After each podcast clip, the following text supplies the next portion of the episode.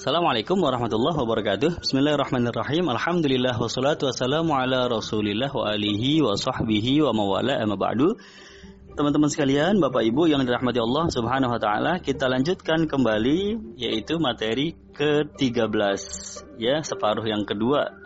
Kita sudah memasuki ya dari kajian online Find Out Rasulullah Habits.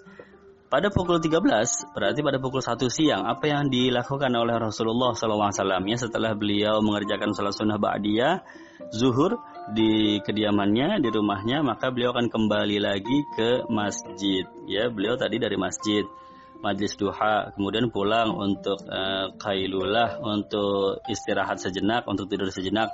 Kemudian salat zuhur, ya, maka uh, setelah zuhur beliau akan berada di masjid kembali ya untuk melayani para sahabat. Jadi ini adalah waktu-waktu beliau yang dipersembahkan untuk umat.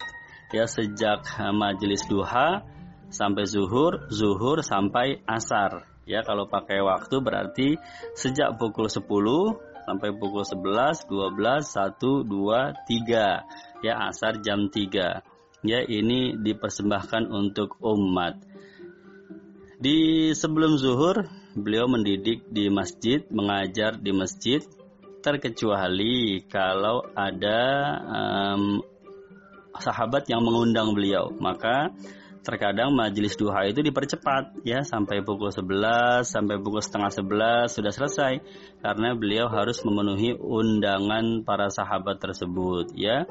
Itu uh, insidental sifatnya ya. Terkadang memang demikian Ya, kemudian uh, setelah zuhur pada pukul 1 ini juga sama ya, sifatnya uh, apa namanya fleksibel. Ketika di masjid banyak para sahabat yang masih membutuhkan beliau ya untuk uh, menyampaikan permasalahannya ya beliau akan menyambutnya di masjid akan menyampaikan solusinya di masjid ya. Atau ada tamu yang datang berkunjung ya karena um, siang hari maka diterima di masjid. Itu banyak juga ya. Jadi uh, para tamu-tamu Rasulullah SAW boleh jadi um, mengunjungi beliau di masjid sehingga beliau uh, punya tempat khusus ya ustuwana hufud ya yaitu bersandar di sebuah tiang yang mana Beliau suka kalau bersandar di tiang tersebut itu kalau sedang menerima tamu-tamu atau utusan-utusan ya. Yang makanya tempat sandaran beliau itu disebut uh, tiang para tetamu begitu ya, uh, tiang wufud atau para tetamu. Kemudian juga uh, di masjid itu um, beliau menyampaikan uh, apa namanya nasihat ya atau uh, menyambut para sahabat ya. Bagaimana keluh kesah mereka dan seterusnya ya. Uh, kalau mereka punya pertanyaan seputar syariat yang baru maka dijawab oleh Nabi Shallallahu Alaihi Wasallam. Artinya full time pada waktu itu waktunya Nabi untuk umat untuk para sahabat ya.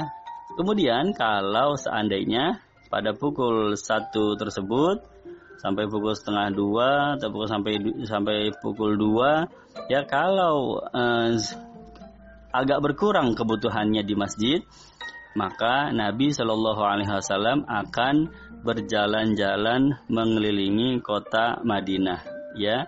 Biasanya ditemani oleh beberapa orang sahabat. Ini adalah fungsi beliau menjalankan fungsinya sebagai uh, kepala pemerintahan. Ya beliau melihat kondisi umatnya ya uh, di kediamannya masing-masing di kampungnya masing-masing bagaimana keadaan mereka ya. Ini menjalin kedekatan Rasulullah SAW kepada para sahabat. Jadi jangan dikira Uh, Rasulullah itu Shallallahu Alaihi hanya jaga gawang ya. Sahabat pokoknya yang harus datang ke Nabi. Enggak. Justru sebaliknya ya. Beberapa banyak waktu Nabi justru habis untuk Nabi yang berkunjung kepada uh, para sahabat ya. Ada kalanya Nabi berkunjung ke kabilah-kabilah ke kaum-kaum tertentu ya. Sayyidina Anas bin Malik itu menceritakan Nabi punya jadwal khusus ya. Beliau datang ke kaum ini ke kaum itu ke kabilah ini ke kabilah itu ya. Baik eh, datangnya kepada seluruh penghuni kaumnya uh, penghuni sukunya ya jadi diterima secara umum. Atau Nabi datang kepada personalnya datang ke rumahnya ya datang ke rumah-rumah sahabat. Itu juga uh, disediakan waktunya oleh Nabi Wasallam. Dan kita bisa membayangkan betapa senangnya betapa bahagianya ada seseorang yang manusia terbaik di dunia ini datang ke rumahnya. Bagaimana perasaan mereka? Luar biasa, bahagia, gembira, senang, ya, merasa tersanjung. Ah, demikianlah sifat Rasulullah Shallallahu Alaihi Wasallam dalam uh, kedekatan beliau ke, mendekati ke, kepada para sahabat, ya, begitu. Di antara uh, rekaman yang diceritakan para sahabat ketika Nabi berkunjung ke sebuah kaum tertentu, ke kabilah tertentu, itu paling umum yang menyambut pertama kali adalah anak-anak ya. Golongan anak-anak mereka akan berlarian berhamburan ya. Begitu mendengar ada Rasulullah datang pada siang itu, ya Rasulullah datang ke tempat kita, mereka akan berlarian akan berhamburan ya dan Nabi dengan penuh uh, jiwa apa namanya penyayang Nabi akan mendekati mereka ke kerumunan anak tersebut akan menyampaikan salam kepada mereka ya. Mereka akan senang sekali dan satu demi satu uh, tangan beliau yang mulia akan mengusap-usap pipi anak-anak tersebut ya. Rambutnya diusap pipinya diusap ya. Allahumma sholli wa sallim wa barik alaih. Satu demi satu ya. Ada ada ada anak-anak yang bercerita dalam hadis. Ketika saya kecil, Nabi berkunjung ke kampung saya, diusap pipi saya, saya merasakan tangan yang sangat lembut dan sangat wangi. Ya, dalam bahasa hadisnya nama akhrajaha min nanti ator. Ya, seolah-olah tangan itu baru keluar dari wadah parfum.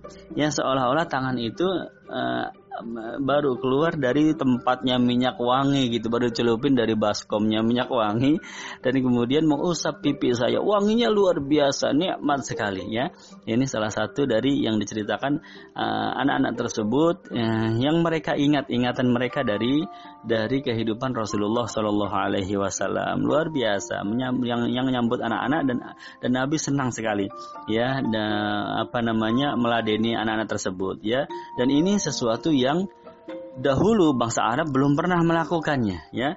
Mereka heran ya karena budaya Arab budaya keras ya budaya padang pasir ya budaya yang tegas ya. Tetapi Nabi mengajarkan bagaimana seorang apa namanya dewasa itu juga harus punya sifat lembut kepada anak-anak. Ya mencium anak itu dulu nggak pernah. Sebelum datangnya Rasulullah SAW, orang dewasa tidak mencium anak-anak ya karena budayanya yang keras, ya yang jahiliyah. Ah, Nabi mengajarkan Shallallahu Alaihi Wasallam ya bagaimana bersikap lembut kepada anak-anak, mencium mereka, mengusap-usap pipi mereka, ya, mengusap kepala mereka begitu Shallallahu Alaihi Wasallam. Jadi di antara kebiasaan Nabi adalah berkunjung dari satu kaum kepada kaum yang lainnya, kabilah kepada kabilah yang lainnya ya. Atau kunjungan secara khusus berarti dari uh, ke ke rumah-rumah uh, para sahabat ya. Oh, ini banyak sekali ya dari hadis yang mana menceritakan Rasulullah SAW uh, berkunjung ke kediaman para sahabat masing-masing ini banyak sekali ya. Baik di antaranya ketika um, neneknya Sayyidina Anas bin Malik ya yang bernama Sayyidatuna Mulaikah ya neneknya ini mengundang Nabi ke rumahnya maka Nabi penuhi undangannya ya itu ada ahul miskin aja batu ijabatan muajjala. Nabi kan sifatnya begitu ya. Kalau diundang nggak bisa nolak Nabi ya. Kalau diundang itu siapa pun orangnya kaya, miskin, tua, muda, jauh maupun dekat ya. Kalau mereka kepengen Nabi datang ke rumahnya maka Nabi udah nggak bisa nolak pasti uh, pasti dikunjungi ya. entah suatu hari kapan ya pasti Nabi akan mengunjungi demi menyenangkan mereka ya aja bahu ijabatan muajjala. Nabi itu selalu menjawab uh, undangan, selalu memenuhi undangan mereka yang ingin singgah. Ya, apalagi sahabat yang singgah ke rumah Nabi ya. Selalu terbuka pintu Nabi ya.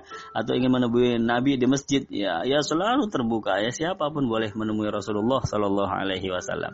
Nah ini jadi ceritanya neneknya Sayyidina Anas bin Malik mengundang beliau. Maka Nabi hadir ke tempat beliau ya disajikan jamuan ya dimakan oleh Nabi. Kemudian uh, Rasulullah SAW mengatakan ya tolong gelarkan karpet saya akan sholat di sini bersama kalian ya jadi Nabi sholat sunnah dua rakaat berjamaah Nabi menjadi imam Sayyidina Anas bin Malik menjadi makmum neneknya juga sama menjadi makmum ada dan ada beberapa anggota keluarga lagi di sana menjadi makmum jadi di rumah tersebut Nabi sholat berjamaah ya bersama penghuni rumahnya. Jadi alangkah bahagia sekali, senang sekali ya.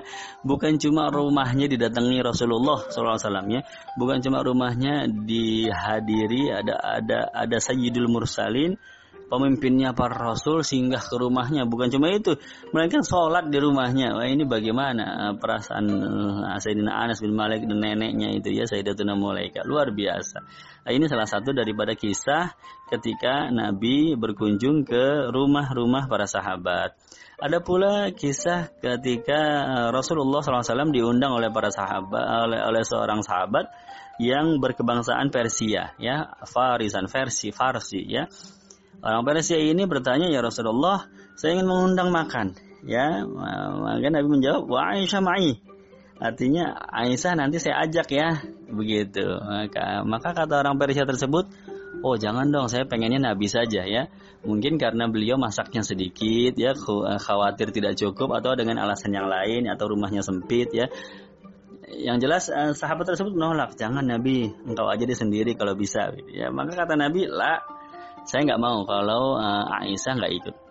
Pulanglah ini sahabat, ya, kemudian beberapa hari kemudian datang lagi, ya Rasulullah saya ingin mengundang kau makan.